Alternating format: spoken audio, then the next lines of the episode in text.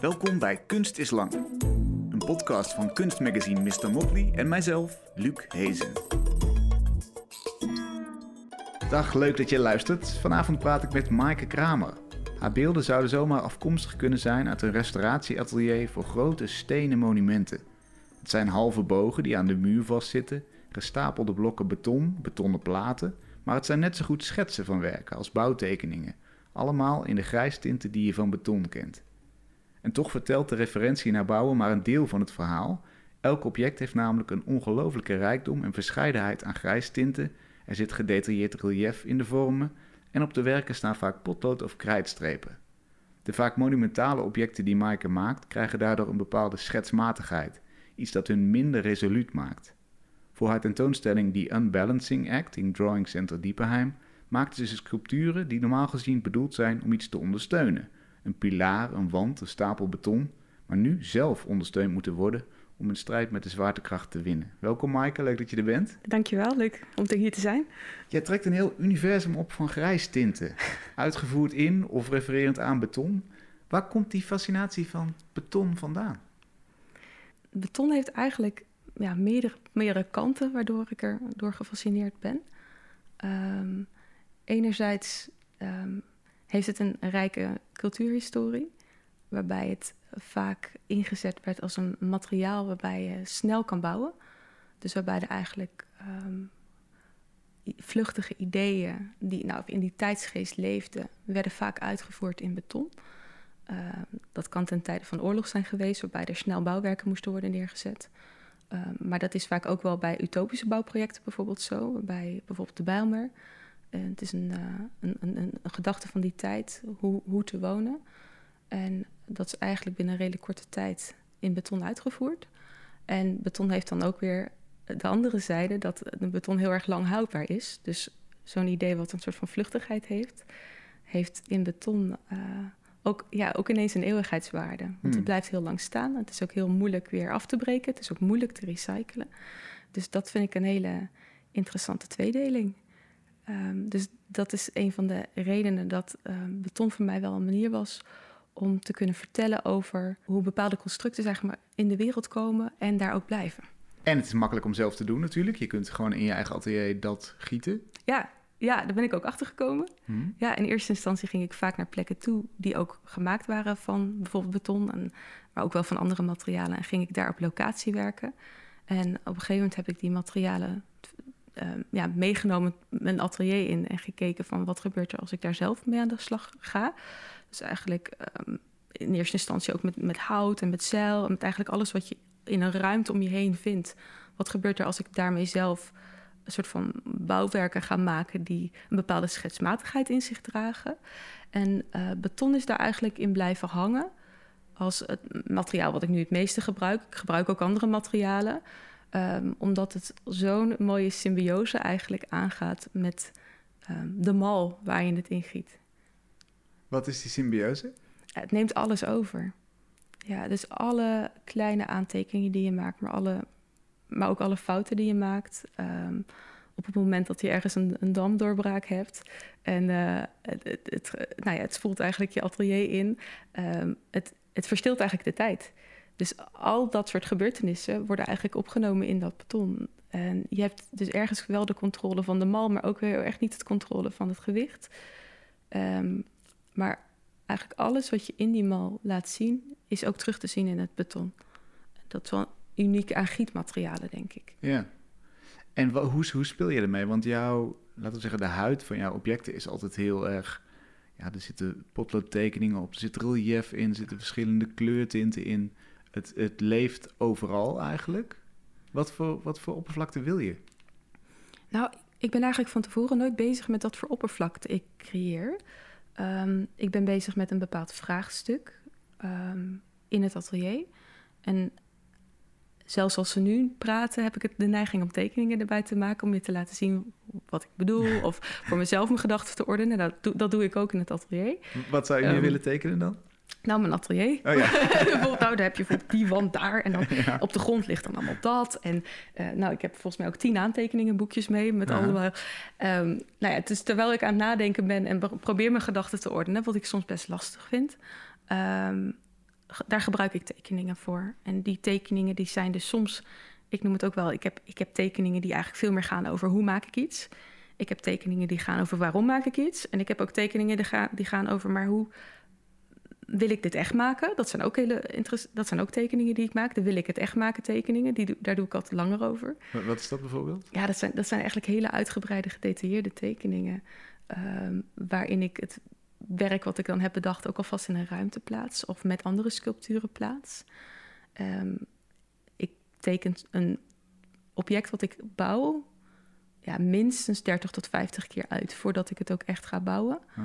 En die tekeningen maak ik grotendeels ook op materialen waar ik mee kan bouwen later. Dus die gaan, dat, al die tekeningen gaan vooraf het werkelijke sculptuur.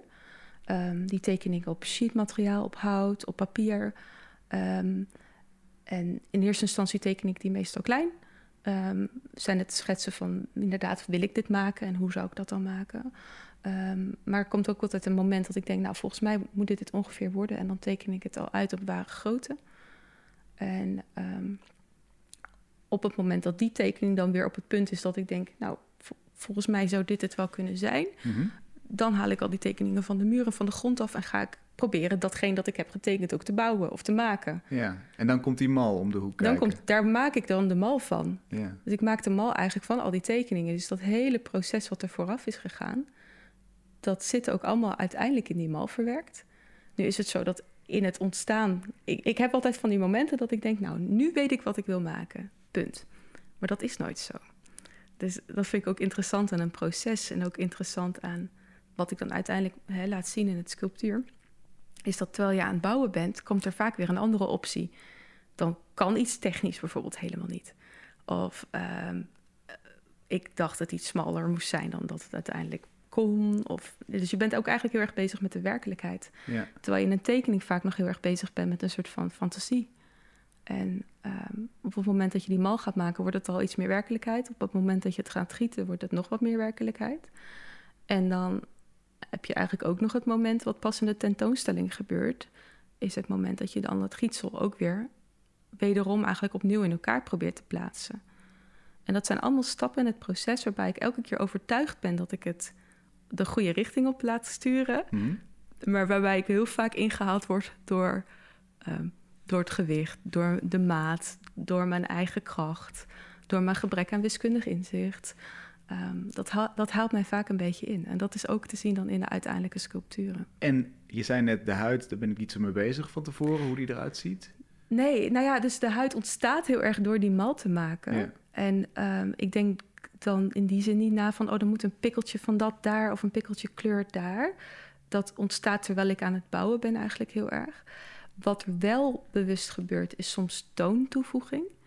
Dus ik ben tijdens het maken vaak ook heel erg bezig van hoe moet dit werk dan in mijn idee in de ruimte komen te staan? Moet het leunen? Moet het aan de wand?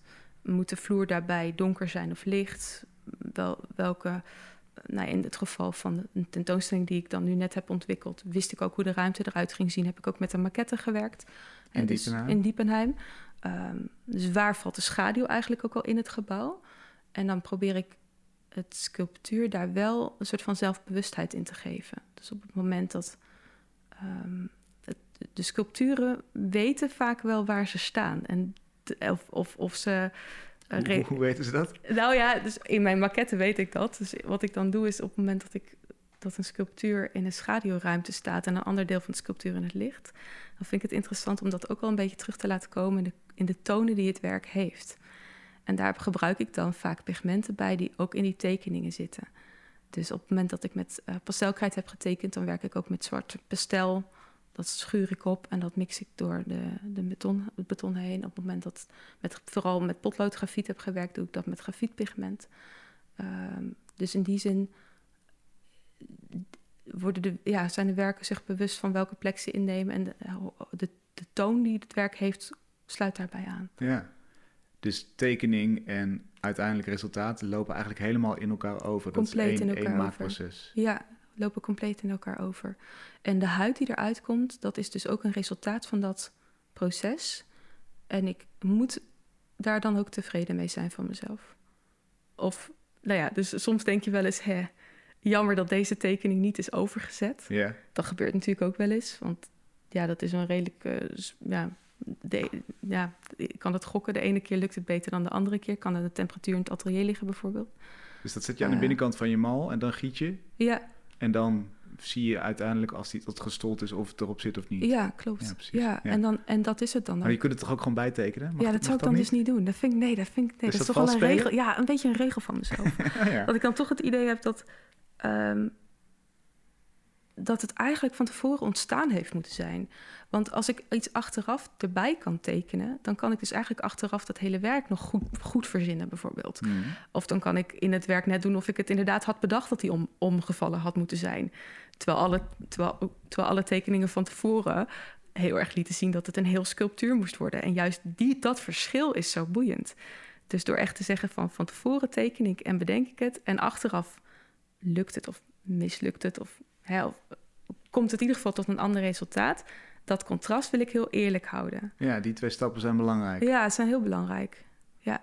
Wat moet Ja. het dan voor wereld worden? Wat, wat heb je voor wereld bedacht die je op wilt trekken uit beton? Ja, het is, een, het is een, een wereld waarbij twijfel en onzekerheid een zichtbare plek mag hebben in het gebouwde. Denk dat ik dat zo het beste kan omschrijven. Dus op het moment dat we kijken naar de wereld naar, om ons heen, dan zien we best wel veel harde statements. En ehm, vaak is die onderliggende gedachte die daar aan vooraf is gegaan of rondzwemt, zeg maar, die, die is niet direct zichtbaar.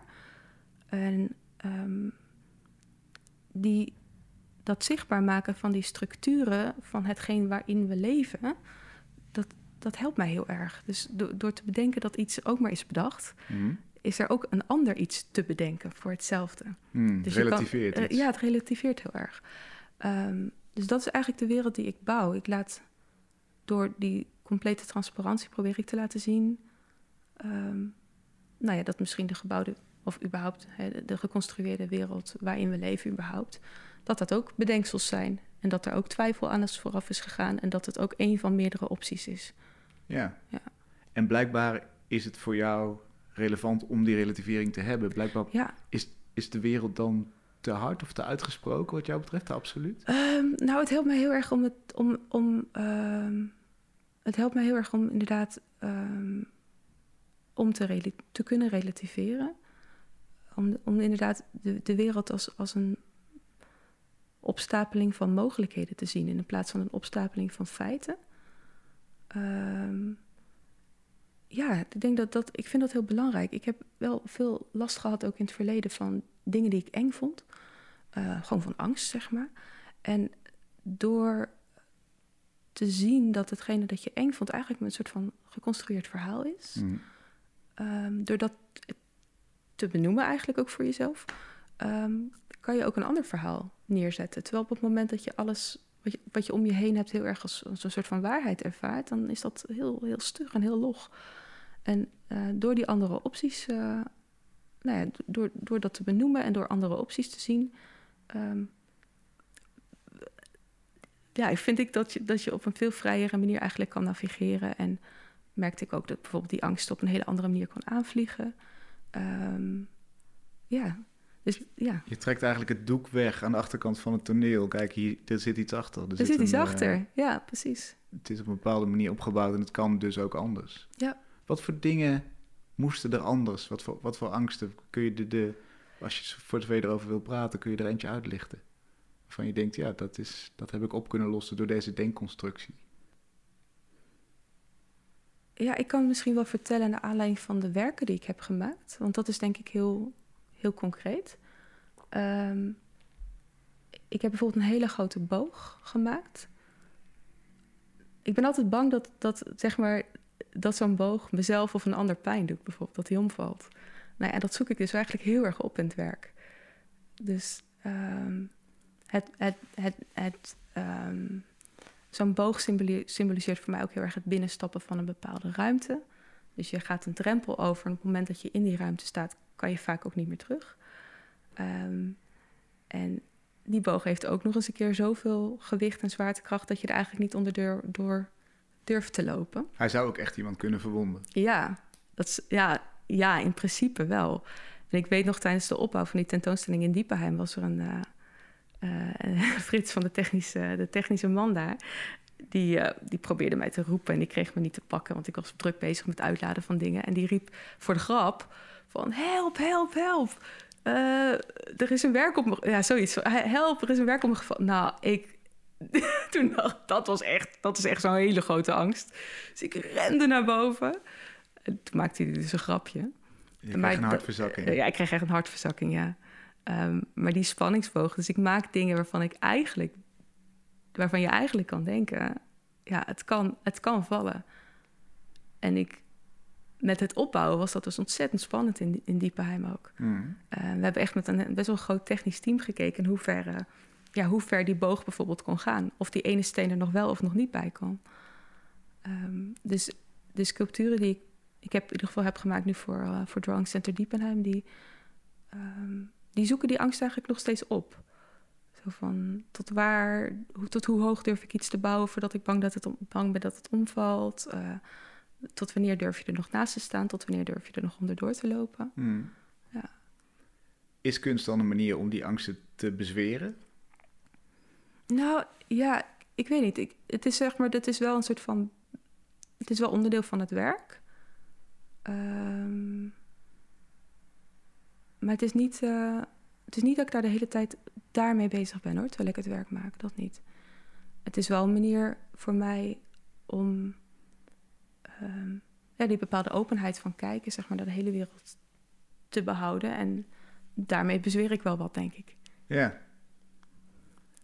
Wat, hoe zou jij samenvatten wat voor jezelf de rol van het maken van kunst is in jouw leven als persoon? Hmm. Waarom doe je het? Nou, het is wel grappig, want het, heeft altijd, het, het, het, beweegt altijd heel erg met je mee. Dus uh, het is inderdaad wel een beetje een spiegel met, van hetgeen waar je zelf op dat moment ook uh, mee bezig bent. Dus wat ik wil, het werk gaat ook heel vaak over het moment. Het gaat ook heel vaak over het werk. Dus de tentoonstelling die ik nu in Diepenheim heb, gaat ook heel erg over um, het maken van een eerste solo tentoonstelling. Hoe is dat? Hoe ga je zo'n ruimte aan? Uh, wat voor nou ja, eh, doemgedachten of angsten komen daarbij kijken. Hoe, hoe, hoe functioneert het pand? Hoe los je dat op? En ik heb ook wel eerder werk gemaakt wat tijdens mijn afstuderen bijvoorbeeld ook heel erg ging over uh, het afstuderen. En um, dus in die zin beweegt het werk wel voor mij heel erg uh, echt ook met mij mee. Maar het gaat, in, ja, het gaat ook over grotere onderwerpen. Hmm. Ja.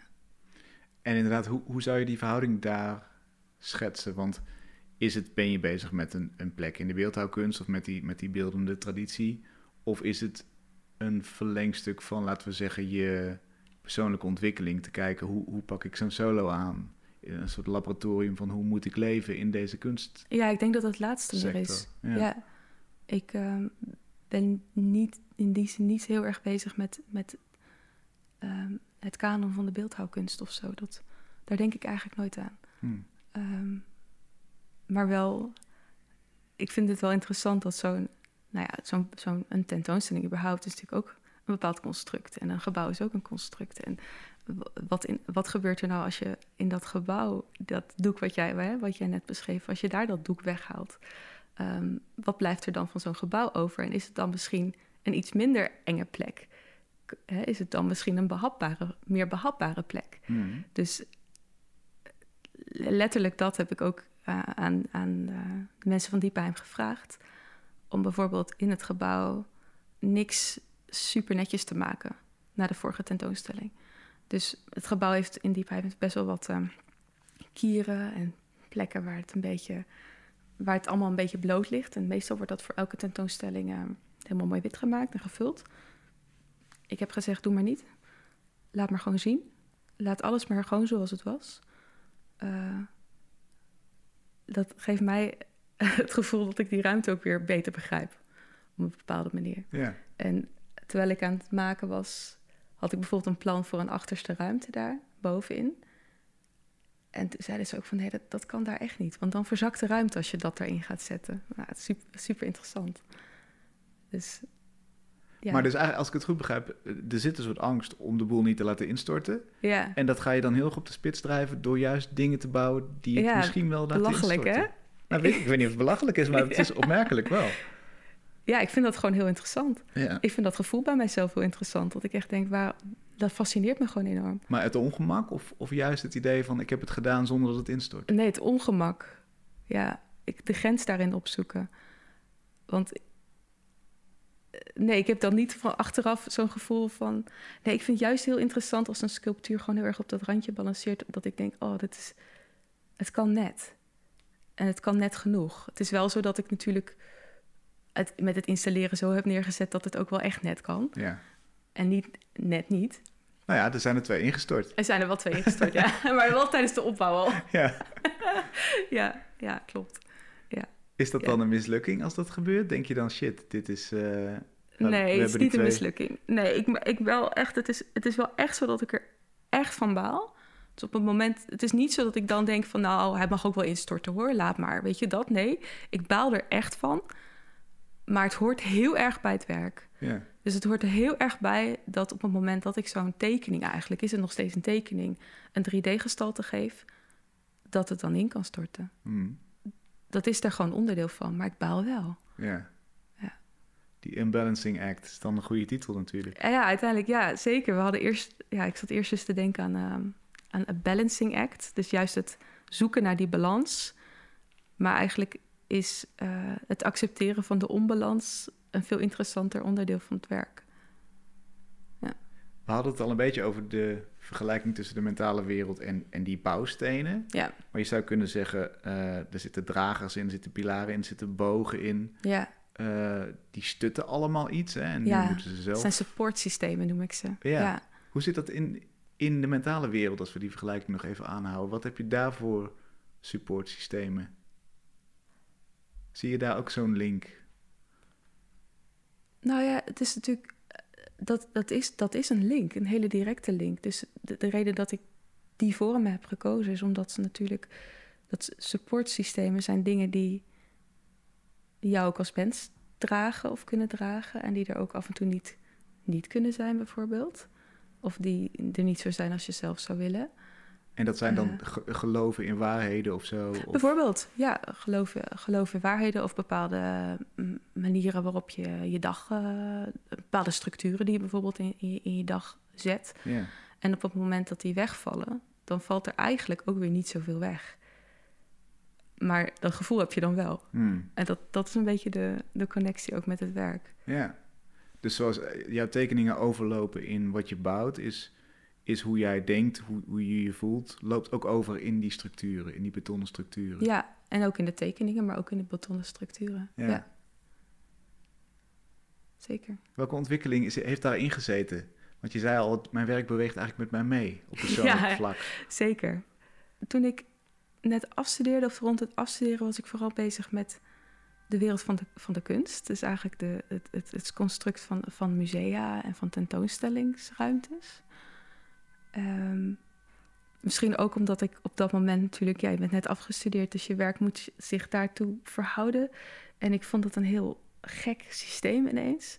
Dat je een soort van iets uit een atelier trekt en dat je dan op een sokkel plaatst. En dan mag ineens niemand er meer aan zitten. En nou ja, dat soort. Dat vond ik gewoon interessant hoe dat dan werkt, hoe zo'n, hoe zo'n systeem in elkaar zit. Ehm, en toen. Ja, het, het beweegt inderdaad. Daarna is het iets eigenlijk steeds meer persoonlijk geworden. Het was toen ook wel persoonlijk natuurlijk over hoe je je verhoudt na het afstuderen. Maar ehm, ja, ik zie, ik zie de werken wel nu steeds als een soort van vertaling van iets wat in die zin heel dicht om mij heen gebeurt. Bijvoorbeeld? Ehm, hoe ga je om met buren? Hoe ga je om in je hè? Wat voor constructen zitten daarin? En een voorbeeld daarvan is bijvoorbeeld een, een, een, onderzoekje of een project wat ik heb gedaan bij mijn eh open oma in Friesland. Die, ehm, die wonen daar in een dorp en er is, ehm, ze noemen dat volgens mij het Fries, maar ga ik heel verkeerd uitspreken hoor. Maar een uh, Minskip, dat is eh, een- de open gemeenschap. Mhm. En dat is natuurlijk ook een bepaald construct. Ehm, en daar zit dus. Het idee is dat iedereen, ja, dat je gewoon bij elkaar binnen kan lopen, dat je bij elkaar naar binnen kijkt. En dat is best wel heftig, want dat betekent ook dat iedereen alles kan zien eigenlijk wat er achter de deuren gebeurt. Hmm. Of achter de deur gebeurt. En eh, ik vond het interessant om, om daar iets mee te doen. Uh, met het idee van, nou, hoe hou je, als alles heel open is, toch nog een soort van privé voor jezelf? Hoe hou je die, hoe hou je de privéruimte voor je, hè, wat is je privéruimte in een redelijk open gemeenschap? En daar heb ik een, uh, een werk over gemaakt. Dat heet De Pauwenmuur. Dat werk is ook te zien in Diepenheim. Dat verbeeldt eigenlijk een soort van hele glimmende um, um, vensterbank. Um, waarbij eigenlijk de vensterbank overgaat in een vitragegordijn. En de vitrage oogt alleen heel erg als een muur. En de vensterbank oogt dan weer heel erg als een soort van transparantie. Dat, dat is door de manier waarop ik het materiaal heb aangegaan. En uh, dat, dat gaat ook over de objecten die je eigenlijk dus in je vensterbank zet. Waarbij het gaat over wat de buitenwereld daarvan ziet. Maar ook het feit dat je als je veel dingen in je vensterbank zet. Dat je daar ook natuurlijk op een bepaalde manier achter kan verstoppen. Ja, dus een bescherming en een visitekaartje eigenlijk. Ja, tegelijk. Een soort, soort ja. afleidingsmanoeuvre. Precies. Dit is een voorbeeld dan van hoe, je, hoe de omgang met buren is. Maar inderdaad, dat soort constructen zijn er natuurlijk op allerlei vlakken ja. in, in een mensenleven te bedenken. En het grappige is natuurlijk dat dit...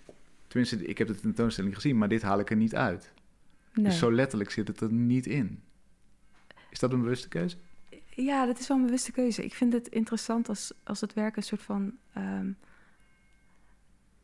het werk is altijd door een heel proces gegaan. Het heeft altijd heel veel. Uh, het heeft, er zijn heel veel tekeningen aan vooraf gegaan.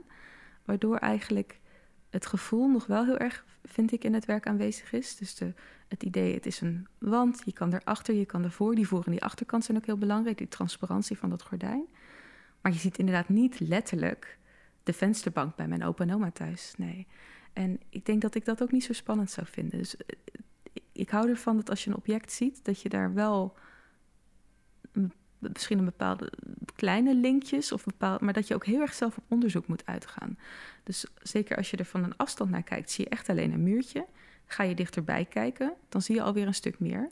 Ga je de huid zien en, en daar een soort van verhaal achter bedenken, kan je ook weer meer zien. En dan staat ook in de tentoonstellingsruimte eromheen staan ook nog kleine tekeningen op de muren die weer eigenlijk een laag extra toevoegen.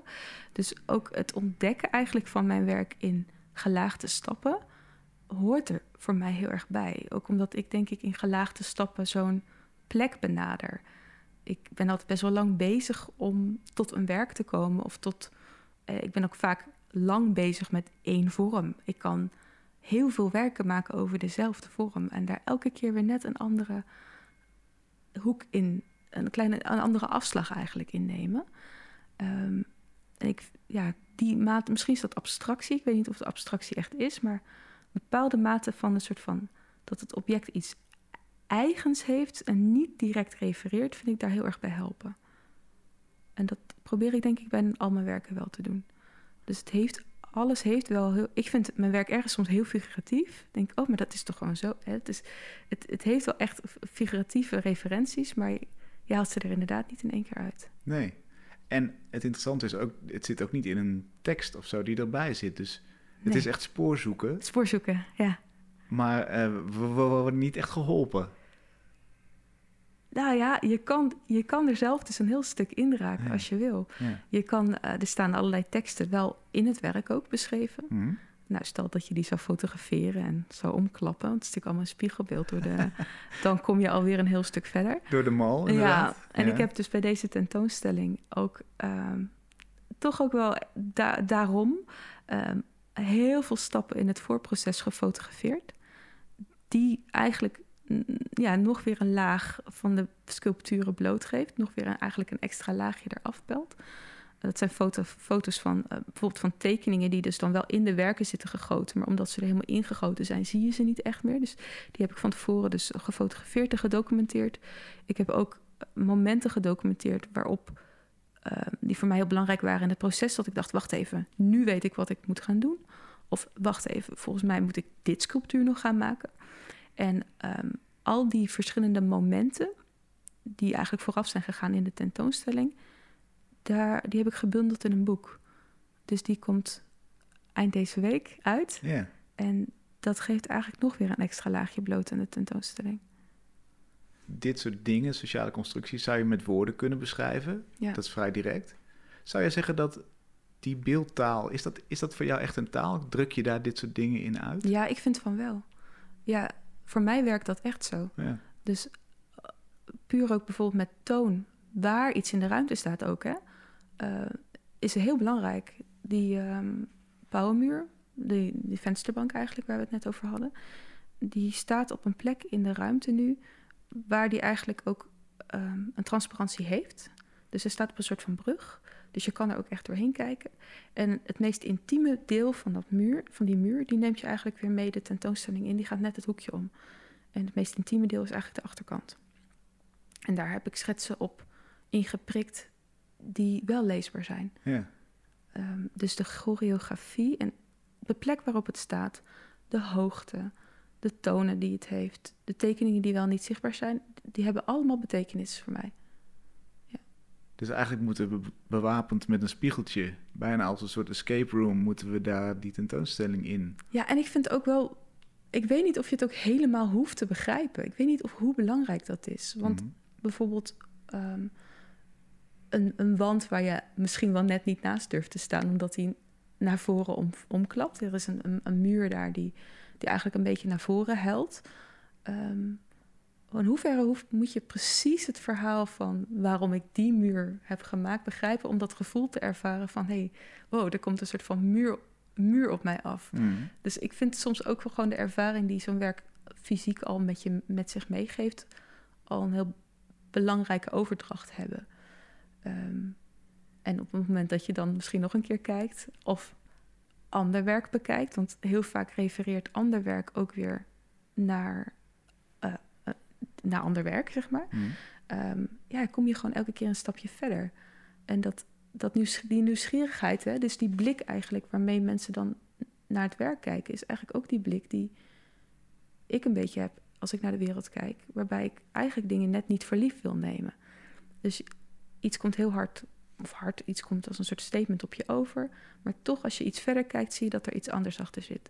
En die zoekende manier van kijken, die ik, in de, ja, die ik dan toepas of zo. Daartoe hoop ik ook de kijker uit te dagen als hij naar het werk kijkt. Dus als het allemaal in één blik te vangen was, eh, zou ik dat denk ik Dan niet bereiken. Ja, Ja. dan is het mislukt, dat Dat klopt. is te makkelijk. Ja. Nee, maar op die manier zijn er ook wel eens, denk ik, werken mislukt. Dat ik denk, die zijn te makkelijk. Die zijn... ehm, en ja, en wat ik dan ook interessant vind, is dat je maakt soms een werk... en dat werk, dat komt dan nu in die ruimte te staan. Maar heel vaak op het moment dat je zo'n werk ja, nog een keer maakt... of net iets andere context meegeeft... kan zo'n, kan zo'n gevoel van zo'n werk ook nog eens helemaal veranderen. Mhm. Dus de plaatsing in, in de ruimte. ehm, ja, dat speelt, dat speelt eigenlijk allemaal heel erg mee in het kunnen begrijpen van dat werk op dat moment. Ja. Is het denkbaar dat jouw werk ooit heel kleurrijk wordt? Ja hoor, ja, dat kan. Ik, kijk, op het moment dat, je, dat ik een keer zou gaan werken op een plek waar er kleur is, Mhm. of als referentie kleur, hè, als, als er een referentie van kleur aanwezig is, dan gaat, dat, gaat die kleur ook in mijn werk.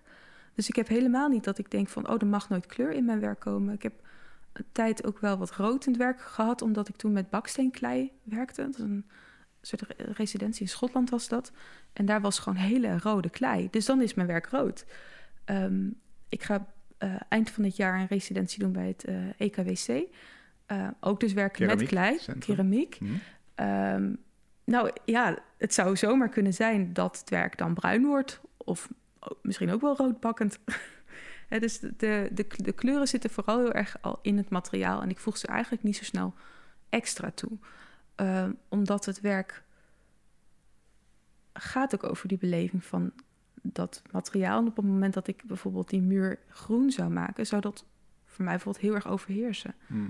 En zou je eigenlijk niet meer zien waar het werk over gaat. Dus nee, kleur is zeker niet uitgesloten. Ja. Dus als je het werken ziet als een, als een ontleding of een verzachting van de werkelijkheid, inderdaad, dan mag je daar niet te veel op ingrijpen, want dan is het per definitie niet meer Klopt. die werkelijkheid. Ja, dan is het niet meer de werkelijkheid, nee. Nee, precies. Wat is het meest Ja. fascinerende wat jij ontdekt hebt door iets in, in beton uit te voeren. En dan voor jezelf, bedoel ik. Is er, is er iets Eh. waarvan je denkt, oh wauw, nu heb ik iets doorgemaakt. Wat, wat een ander misschien in een verhaal zou vertellen, maar ik heb er een, een werk voor gemaakt. En dit, dit is een fascinerend inzicht. Nou, ik, ik denk wel dat zeg maar, de afgelopen jaar is er gewoon heel veel gebeurd. Omdat ik de ruimte kreeg om zo, voor zo'n grote tentoonstelling bezig te gaan. Ehm, het, het inzicht, zeg maar, echt van het driedimensionale. Dat, dat is echt een inzicht geweest het afgelopen jaar. Ehm, dat, ik, ik kon wel best wel veel uitdrukken, denk voor mezelf dan in een soort van muurobjecten. Ehm, maar het, feit dat iets ook nog echt een sculptuur is en daarmee een bepaalde aanwezigheid pakt, dat is echt een ontdekking geweest van, van het, werken met, eh, met beton, het afgelopen jaar in ieder geval. Allemaal te zien in Diepenheim. Tot wanneer? 12 juni, 12 juni, dus we moeten snel zijn. zeker. Ja, Dankjewel. We gaan spoor zoeken in die ruimte en in je hoofd. ja dankjewel. Dank je. Tot zover deze aflevering. Die wordt mede mogelijk gemaakt door het Amsterdams Fonds voor de Kunst, het Jaap Harten Fonds en door donaties van jullie. Veel dank daarvoor. We zijn er volgende week weer.